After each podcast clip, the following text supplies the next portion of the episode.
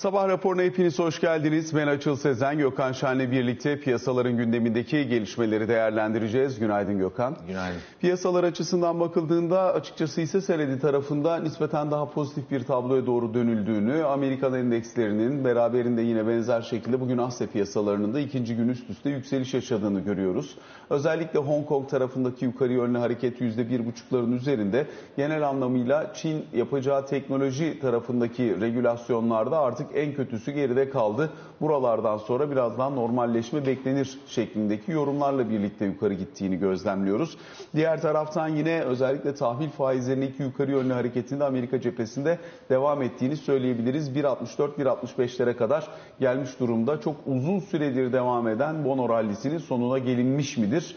Biraz daha buraların tartışılmaya başlandığını görüyoruz. Eğer buradan sonra benzer şekilde yukarı gidiş devam edecekse e, burada bono yatırımcılarının bir miktar ellerindeki Amerikan tahvillerini çıkarmaları ve beraberinde de dolardaki o güçlenmenin dönemsel olarak e, biraz daha zayıflığa doğru dönmesi söz konusu olabilir mi? Bununla ilgili yorumlar gelmeye başladı. Zaten dolar endeksi de yeniden 94,5'lardan 93,5'lara doğru hareket içerisinde. Belki onu da belli ölçüde aktarmakta fayda var. Bilançolar gelmeye devam ediyor.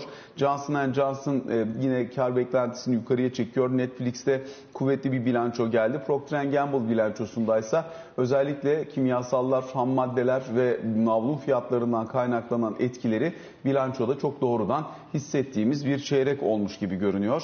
Avrupa cephesinde ise mali kuralların salgın sonrasında yeniden dizayn edilmeye çalışıldığını görüyoruz. Salgın döneminde askıya alınan borç bölü milli gelir oranlarının bir kez daha Avrupa için tartışmalı hale geldiğini söyleyebiliriz. Bitcoin ETF'lerinin işlem görmeye başlamasının ardından rekor seviyelere kadar geldi. 63.900 dolar fiyatlama şu an itibariyle gördüğümüz yer. Bütün bunların yanında bir de Financial Times gazetesinde Türkiye'ye dönük olarak finansal eylem görev gücünün e, Türkiye'yi bu perşembe günü e, gri listeye alma olasılığından bahsedildiğini de aktaralım bir haber ve detay olarak. E, biz istersen önce bir Amerika'da olup bitenleri konuşarak başlayalım. Çünkü faiz yükselişi önemli, dikkate değer. İşte 1.65'in eşiğine kadar geldik Amerikan 10 yıllıklarında bir kez daha. Ayrıca yine enflasyon beklentilerini takip ettiğimiz yerden enflasyona endeksli kağıtlar tarafında da benzer şekilde Amerika başa baş faizlerinin yukarı gitmeye devam ettiğini görüyoruz. Şimdi Amerika'da yani durum belli. Ee, ekonomi çok canlı. İşte emek piyasası her ne kadar düşünülen kadar hızlı toparlamış olmasa da yine epeyce canlı.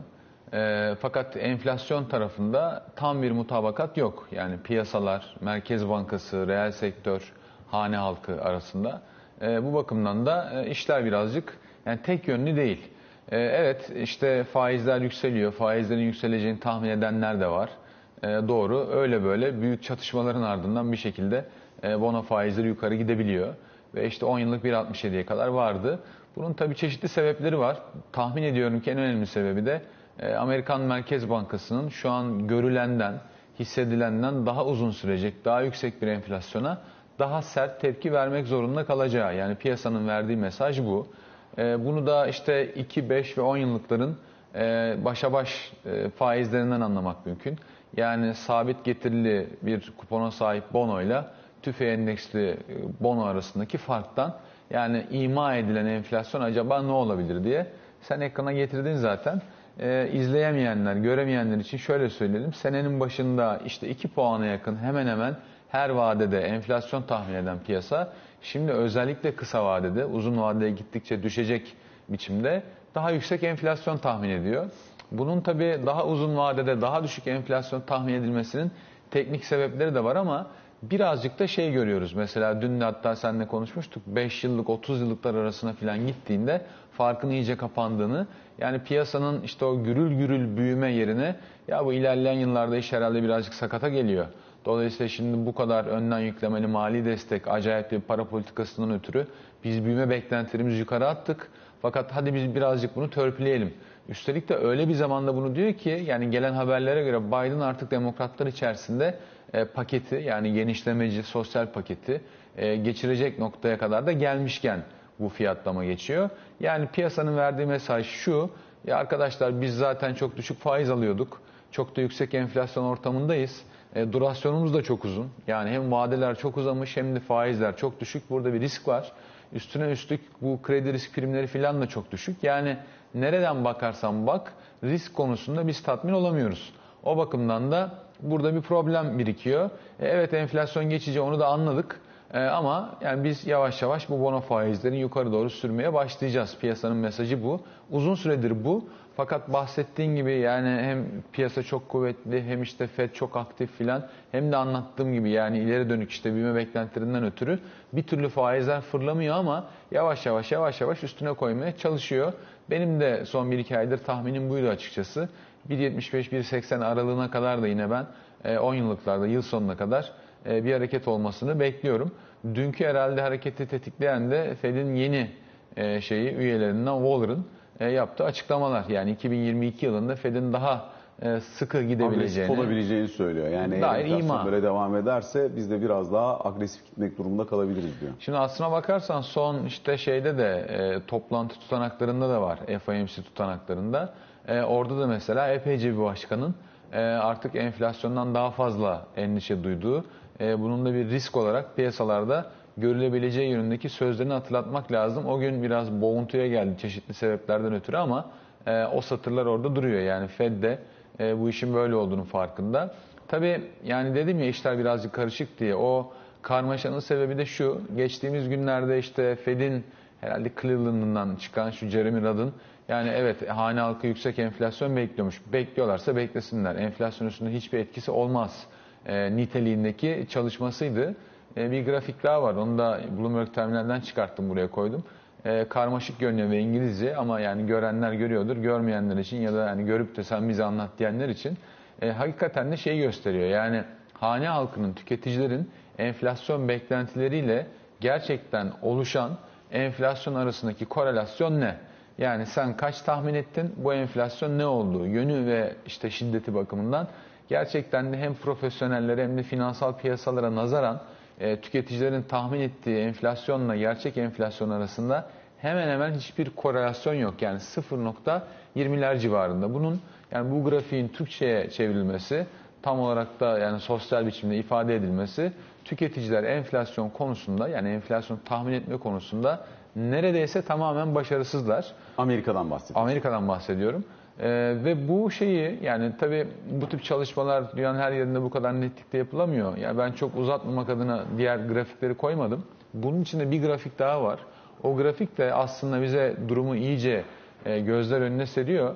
Yani son 10 yılda yani burada gördüğün uyumsuzluğun önemli bölümü son 10 yılda geliyor. Bunun Türkçesi de şu. Artık son 10 yılda piyasalar özellikle küresel finansal krizden sonra düşük enflasyon dönemine gireli beri insanlar ne olacağını bir türlü kestiremiyorlar. Yani nasıl bir ekonomide yaşadıklarını bilmiyorlar. O bakımdan da ne zam pazarlığı yapabiliyorlar ne de başka bir beklentileri tutuyor. Son 10-15 yıl artık insanların piyasayı tahmin etme konusundaki güçlerini doğrudan onların elinden aldı. E şimdi seninle geçen günkü konuşmamıza dönelim. Yani özellikle batı tarafında işte hard currency'ye dolar, euro, pound gibi sahip, sermaye birikimi çok yüksek, işte şeyleri EBITDA marjları çok düşmüş ekonomilerde yani enflasyon nasıl oluşur? Yani iki türlü oluşabilir. Bir tanesi maaş sarmalı. E zaten dedik ya 70'lerden bu yana sendikaların gücü kalmadığı için yani insanlar, çalışanlar artık örgütlü değiller. Oysa ki iş çevreleri, patronlar, işte sanayi, sektörler daha örgütlüler. Ve bu bakımdan pazarlık güçleri iyiden iyiye erimiş durumda. O yüzden de bu maaş pazarlığıyla çalışanların işte ekonominin toplam çıktısından alacakları payı yukarı ittirmeleri birazcık zor görünüyor. Bu, bunu, bu herhalde elenecek seçenekler arasında. Bu durumda geriye tek bir şey kalıyor. Yani enflasyon nasıl kök salabilir, nasıl geçici olmaz, nasıl çok yüksek olur? Bu da ikinci tur etkiler. Burada normal şartlarda sadece tedarik zincirinden kaynaklanan problemlerden ötürü bir yüksek enflasyon sorunu olsaydı dünyada büyük ihtimalle bu hiç akla gelmeyecekti. Ama bir de işin içinde şimdi enerji girince e, bu ihtimal canlı. Yani ikinci tur etkiler görülür de işte oradan ulaşıma, yeme içme, konaklamaya vesaireleri filan bu işler geçerse hakikaten işler çok zor olur. Şu an bu yönde çok net bir inanç yok. Ama dediğim gibi insanların vadeleri çok uzun. Kabul ettikleri risk primi çok düşük. Aldıkları faiz çok düşük olduğu için ister istemez bir rahatsızlık var. Bunu işte bono faizlerinde böyle hafif hafif yukarıya sızıntı şeklinde görmeye başladık. Yani piyasada olan makro gelişmeler bunlar. Şimdi biraz da yine programın başında bahsettiğimiz gibi bunun dolar üzerindeki etkisinden de e, belki belli ölçüde söz etmekte fayda var. Çünkü genel anlamıyla baktığımız zaman biz e, aslında bunun bir dolar rallisi olabileceğini, sonuç itibariyle burada politika aksiyonunun ilk etapta dolar üzerinden geldiğini zaten konuşmuştuk. Belli bir noktaya kadar da bu bu şekilde geldi. Fakat ne zaman ki artık tahvil faizleri yükselmeye başlıyor ve bono yatırımcısı ufak ufak buralardan zarar yazacağını görmeye başlıyor. Eldeki Amerikan tahvillerini ufak ufak değiştirerek e, biraz da dolardan uzaklaşmak suretiyle buralarda kendi riskini e, hece. Bunlar ana temayı değiştirmemekle birlikte dönemsel olarak dolar zayıflığını beraberinde getirebilir gibi bir görüntü de var. Bir de bu bono piyasasındaki yıllar süren e, boğa hareketinin artık sonu geldi mi diye de tartışabiliriz herhalde. Ya bu tabii şimdi yani iki tane e, soru sordun. İkisi de bence Kalli abi. Çok kısa kısa geçmiş olayım. Dolarda zayıflık ben kendi payıma beklemiyorum. Ee, zaten Bu tür ara düzeltmeler ancak yani. Anca olabilir. Zaten biliyorsun bunu da konuştuk yani 1.15'e kadar bir rally. Sonra aşağısı zor görünüyor. Çünkü yani politik olarak da zorlayıcı, başka yönlerden de e, zorlayıcı. Hakikaten 1.15'ten sekti. Ama mesela 1.20'ye gitse euro dolar ben buradan şaşırırım. E, ve bence büyük ihtimalle bunu insanlar fırsat olarak bilirler. Çünkü iki ekonomi arasında, iki para politikası arasında e, bence dağlar kadar fark var. E, bu da bence yani doların güçlü kalmasını getirecektir. Zaten şu ana kadar dolar çok kuvvetli. E, bono piyasasında rally bitti mi demek aslında 40 yıldır düşen faizler bundan sonra çıkacak mı demek. Yani benim buna yanıtım hayır olurdu.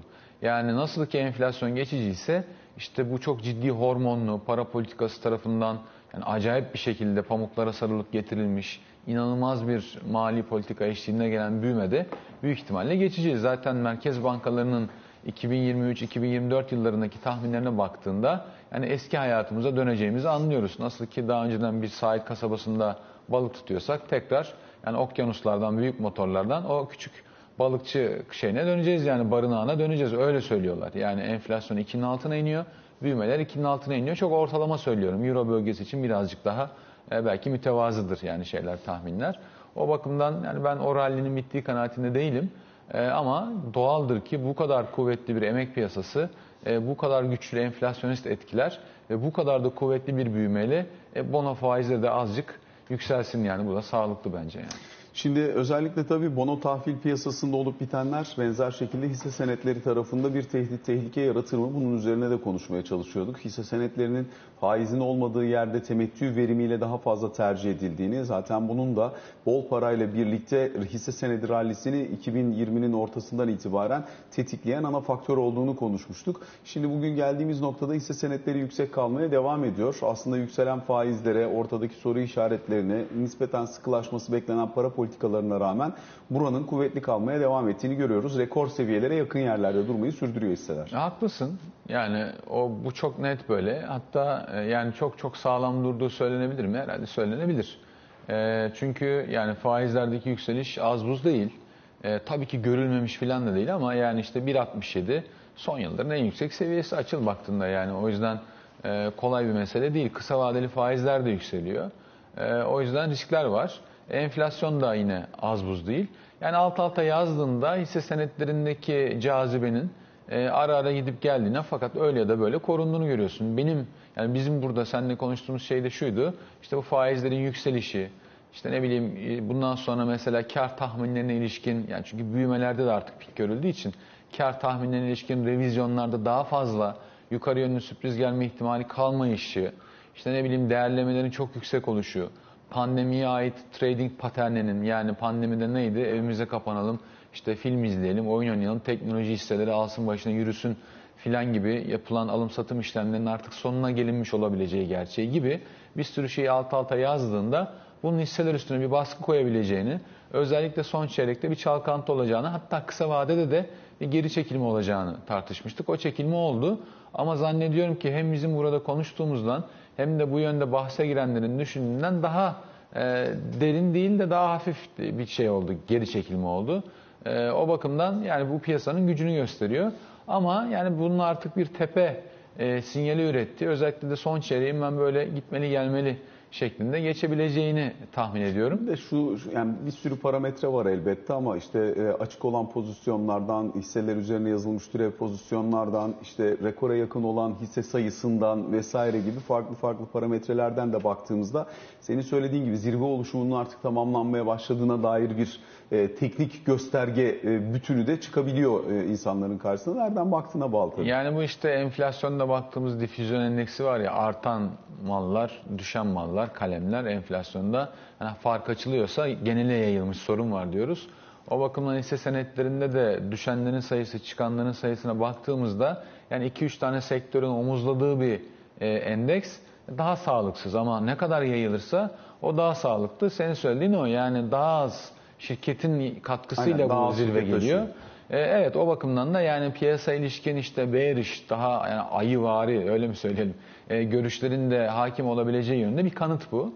E, o yüzden de ben yani bir, bir, bir sallantı olacağını tahmin ediyorum. Kolay değil yani bu kadar yüksek girdi maliyetlerine bu kadar iyi çarpanlarla direnmek bence kolay değil. Bir Bir de de hisse senedi tarafında genelde sattığını sattığın fiyattan yerine koyman güç oluyor. Yani boğa piyasasının en büyük zorluklarından bir tanesi bu.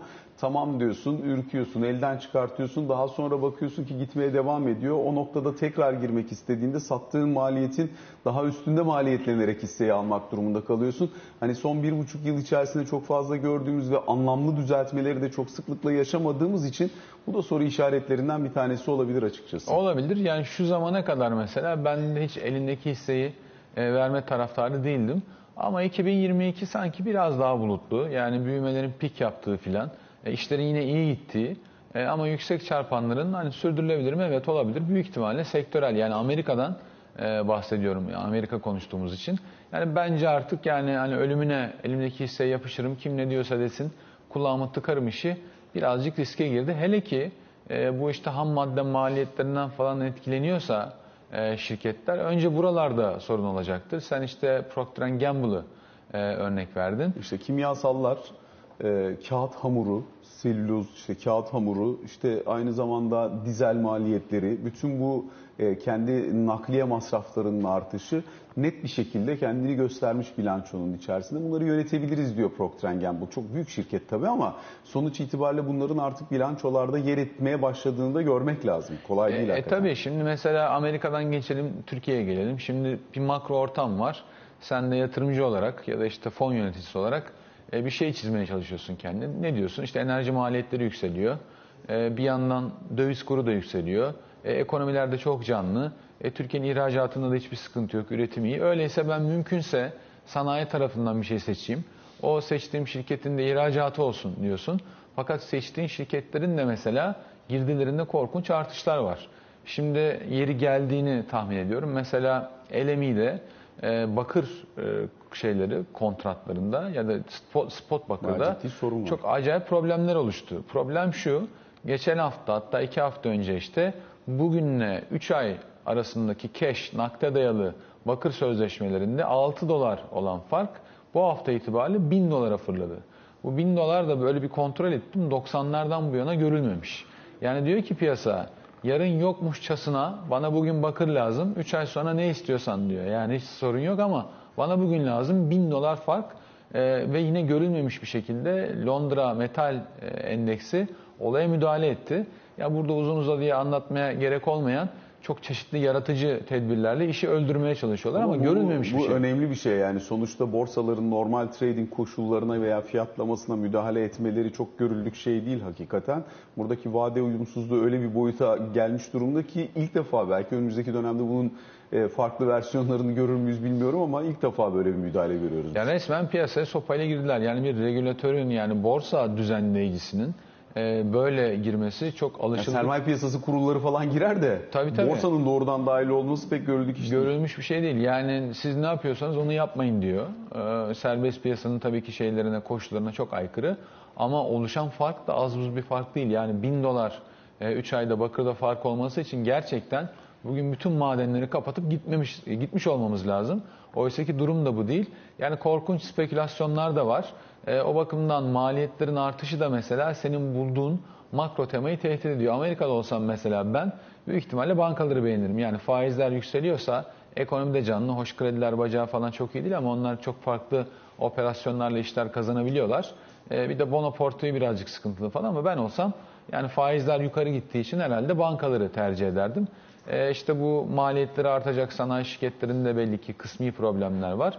Ama en büyük sorun da değerlemeleri çok yüksek yapılmış, düşük faizlere dayanan teknoloji gibi daha yüksek çarpanlı sektörlerde olacak diye ben e, tahmin ediyorum açıkçası. Peki istersen buradan çok hızlıca bir de Avrupa Birliği tarafındaki gelişmelere dönelim. Çünkü Avrupa Birliği'nin derdi biraz daha farklı. Para politikasında onların duruşu daha net, daha belirgin şu an itibariyle. Yolunun da uzun olduğunu gördükleri için eğer bir noktada çekeceksek de yerine şu şu şu koşullarla e, parasal aktarım mekanizmasını çalıştırmaya devam edeceğiz diye alternatif plan hazırlıyorlar. Fakat esas oradaki problem de daha önceki dönemde olduğu gibi borçluluk sorunu. Borçluluk zaten 2011'deki Avrupa krizinin temelini oluşturuyordu. Bunun ardından da daha önceki işte Maastricht kriterleri vesaire gibi kriterlerin çok uzağına düştüğünü biliyorduk Avrupa ülkelerinin. Şimdi Avrupa Komisyonu'nun yapmaya çalıştığı e, uygulama biraz daha salgın döneminde kaldırdığımız o bariyerleri yeniden yerine koyar mıyız? Yerine koyarken de yani bu kadar açılmış olan bütçe açıklarını, bu kadar yükselmiş olan borçluluk oranlarını nasıl daha sürdürülebilir hale getiririz? Bunlara bakmak. Avrupa Birliği'nde borç bölü milli gelir oranı Euro bölgesinde %100'ün üzerine geldi. Bölge olarak Euro bölgesi %100'ün üzerine geldi. Ee, İtalya'da %160, Yunanistan'ı saymıyorum %209 zaten. Ee, İtalya'da %160, Portekiz'de %137, Rum kesiminde 125, İspanya'da 125, Belçika'da 118, Fransa'da 118. Almanya en iyisi Almanya en iyisi 71.2. Evet. Dolayısıyla bunlar çok anormal. Bir de bütçe açıklarını sayayım. %11 İspanya'da bu sene bütçe açığı.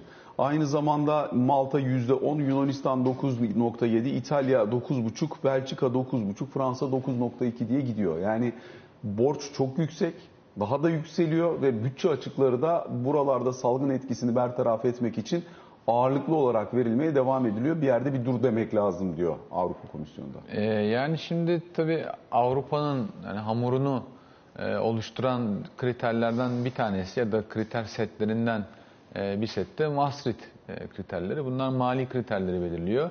E, bir takvim yılı içerisinde bütçenin açığı işte milli hasılanın %3'ünü geçmemeli ve toplam kamu borç stoğu da %60'ı aşmamalı diyor. Fakat tabii yani bu Avrupa'nın yani öyle olduğunu varsaydığı bizim aslında kendimizden biraz alışık olduğumuz yani kural koyup uymama konusunun en büyük örneklerden bir tanesi. Çünkü durum bu değil. Yani Avrupa'nın buradaki amacı hem işte borçlu ülkeler olmasın hem ülkeler arasındaki eşitsizlikler çok açılmasın hem de oyunun belli bir kuralı olsundu. Fakat özellikle e, şeyden sonra yani bu küresel finansal krizden sonra üstüne bir de Avrupa borç krizi eklenince yani borcu azaltıp da işte bu resesyonlardan çıkmanın bir yolu yoktu. Yani kemerleri sıktırdılar hatırlarsan Avrupa borç krizinde. işler daha da kötüye gitti. Yani çok yanlış zamanda kemerler sıkıldı. Para politikası da e, bir şekilde o eksilen talebi yerine koyamadı. Yani para politikasının stimüle edici, ekonomiyi canlandırıcı gücünün ne kadar eksik olduğunun farkına Avrupalılar 2010'dan sonra vardılar ve dolayısıyla bu kamu maliye stoklarını eritemediler. Çünkü yani İtalya'nın o yıllarda %110'larda olduğu yıllarda işte 70, 60 buralara inmesi demek zaten AB kurulduğundan yani Euro Birliği kurulduğundan bu yana neredeyse sıfır büyüyen İtalya'nın belki de eksiye geçmesi demekti. E, bunun tabii çok ciddi getireceği sorunlar vardı. Yani işin arka planı bu. E, bundan sonra da yani sen işte bunlar işi pandemi özel bütçe açıkları. Yani iki yıl sonra Normalde kalmayacak. böyle olmayacak da. Ama e, kamu borç stoğunda herhangi bir değişiklik olması çok zor görünüyor bu büyüme temposuyla. Ancak kim yakalar? Almanlar. Almanlar gerçekten de krizde belli bir yere kadar açtıktan sonra bütçeyi son yıllarda yaptıkları indirimlerle %50 küsürlere kadar da kamu borcunu indirmişlerdi. Fakat pandemi vurunca ister istemez artırdılar. Şimdi tabii Almanya'da yeni hükümet kuruluyor. O bakımdan bu teklife onların ne diyeceğini merak ediyorum. İkincisi hem Avrupa'nın hem de mümkünse bölgenin e, abilerinden biri olma konusunda çok ciddi isteği olan Fransa'nın da işe nasıl yaklaşacağını merak ediyorum. Çünkü Macron'un yani bana kalırsa kamu borcunu bir puan bile indirmesi mümkün değil. Yani yeleğin sarısını mı giyerler, kırmızısını bilmiyorum ama yani sokaklara hakikaten ateşe verirler. Onu görüyoruz Fransa'da. Ben çok uygulanabilir görmüyorum.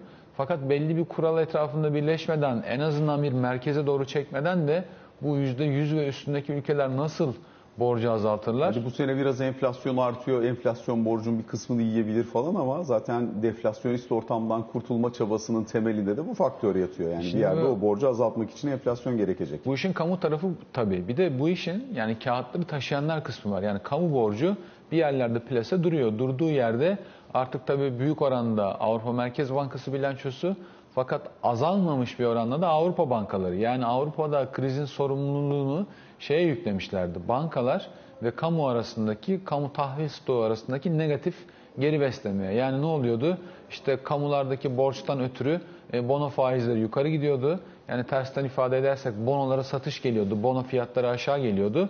Bankalar da portföylerinde bunları taşıdıkları için portföy zararı yazacaklar diye banka hisseleri satılıp arada devamlı olarak bir negatif geri besleme loop'u oluşuyordu. Yani böyle bir e, döngü oluşuyordu. Bunu kırmak için Avrupa Merkez Bankası devreye girmişti. Tamam bunu kırdı, krizi bitirdi ama geride kalan yıllarda baktık ki kamu, tahvil stoğu, banka ilişkisi yani zayıflamak şöyle dursun daha da güçlenmiş. O yüzden yani zaman satın aldılar Merkez Bankası üstünden ama bu şey yani orada duruyor ne yazık ki. Peki kısa bir araya gidelim şimdi. Aranın ardından sohbetimize kaldığımız yerden devam edelim.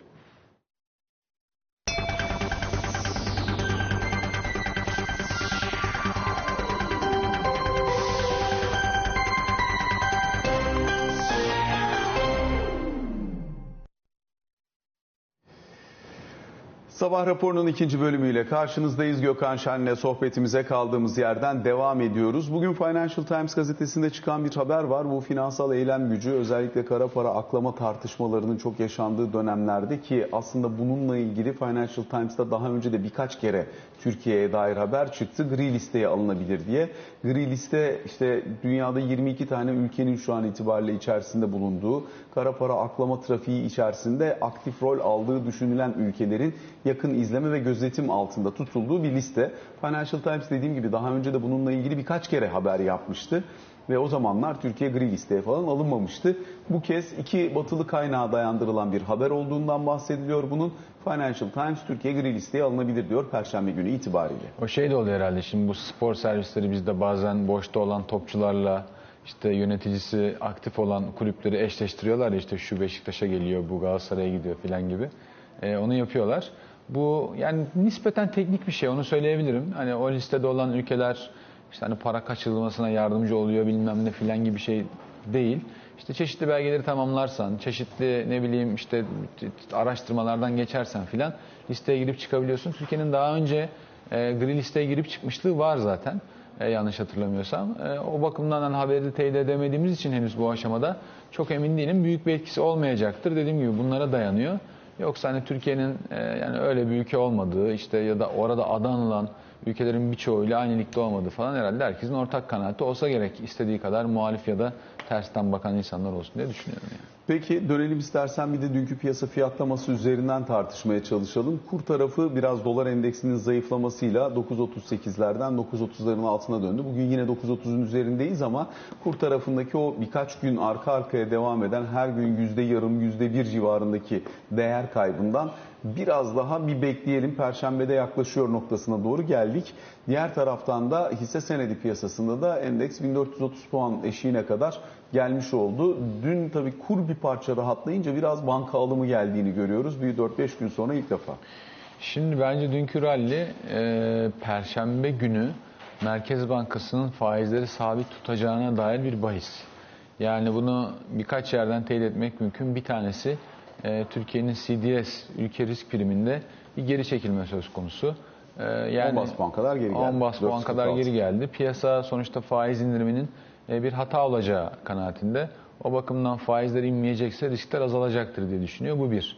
İkincisi yine dünkü faiz hareketine baktığında kısa vadelerde piyasanın çok aktif olmadığını fakat daha ziyade uzun vadelere girdiğini yani bunun da bir faiz indirimi olmaz. Bunun da enflasyon görünümüne pozitif etkisi olur e, diyerek kendini ifade ettiğini. O bakımdan kısa vadelere dokunmayıp uzunda daha aktif olduğuna şahit olduk. Bu da bence benim e, yaptığım spekülasyona kanıtlardan bir başka kanıt olabilir. E, üçüncüsü kurdaki e, nispi değerlenmeyi söyleyebilirim. Dün Türkiye işte kuru yani birkaç gün sonra ilk defa piyasadan negatif ayrışmadı. Yani birazcık daha piyasa koşullarına paralel işlem gördü. Bu da yine faiz indirim beklentilerinin bence yani dünkü hareketi yaratanlar tarafından piyasadan silindiğini gösteriyor. E, dördüncüsü yine gösterebileceğim kanıt borsadaki hareket olabilir. Ee, özellikle yani faiz indirimi gelmez ve finansal koşullar sıkılaşmazsa e, bunun piyasaya katkıda bulunacağı, bunun da daha ziyade bankalar üstünden, bu da beşinci kanıt olabilir. Yani borsanın içerisindeki ayrışmaya sektörel olarak baktığında da bankaların tercih edilmesi sanayilere nazaran e, faizlerin sabit yönünde kalacağı yönünde bir kanıt olarak bence alınabilir. E, benim de kanaatim zaten Perşembe günü Merkez Bankası'nın e, bu işe girişmeyeceği e, yönünde. Daha ziyade enflasyonu öncelediği, işte küresel enerji gibi başkaca problemlerden ötürü e, sıkı para politikasını sürdüreceği yönünde e, mesaj vermesini ben bekliyorum. E, bence piyasadaki dünkü hareket buna benziyor. Benim şeyim bu yani, düşüncem bu. Peki sürenin sonuna yaklaşıyoruz. Bir, bir, bir buçuk dakikamız var. Orada da biraz Avrupa'nın Rusya ile gaz ilişkisinden bahsedelim. Dün de bir parça bunun üzerinden geçmeye çalışmıştık. Özellikle Rusya biraz daha gaz veririz deyip kendi talebini doyurma aşamasına geldi diye elde tutmaya çalıştıkları kossa Kuzey Akım 2 ile ilgili olarak gelin masaya verin taahhüdü alın gazı diyor. Kimin aklına gelirdi ki Rusların böyle söyleyeceği? ee, yani bir sürpriz yok. Şimdi Rusya ile ilişkilerin Rusya'dan bir şey aldığın sürece harika olur zaten. Evet yani şimdi haksızlar mı konusunda da ben yani açıkçası Ruslar da burada çok haksız diyemiyorum. Yani ben şimdi boruları çekmişim, denizin altından götürmüşüm Kuzey Akım 2'yi. Tam tamamlayacağım. İşte İsveçli şirket boruları döşerken Amerikalılar şirkete ceza vermişler. 100 kilometre kala işte en sancılı şekilde öyle böyle onu yapmışım, bunu yapmışım. Hattı tamamlamışım. O arada iktidar değişmiş Almanya'da. Onlar da zaten ya bir dakika biz bir aramızda anlaşalım. Şimdi size hemen evet dersek burada da sorun olur noktasındalar. Bir yandan gaz lazım. E, ben zaten size yani aktim kadar gazı veriyorum yani üstüme düşen sorumluluk kadar. Ama daha fazlasını istiyorsunuz. Benim de burada çıkarım var. Hani isterseniz siz bunu bir açın. Buyurun gaz sizin diyorum ben de. Yani ben burada çok şey göremiyorum. Çok normal bence. Ee, Avrupalılar büyük ihtimalle buna direnecektir. Yani kuzey akımı çünkü kimse istemiyor. Almanların önemli bölümü dahil. Ama gaz fiyatları da uçuyor. Bağımlılığımız artıyor diyorlar. E, artıyor doğru. E, Ruslar da yani bence makul bir biçimde öyleyse bizim de elimizden gelen budur diyorlar yani. Peki sabah raporunu böylelikle noktalamış oluyoruz. Kısa bir aramız var. Sonrasında yatırım bülteni de Pelin Yantur sizlerle olacak. Hoşçakalın.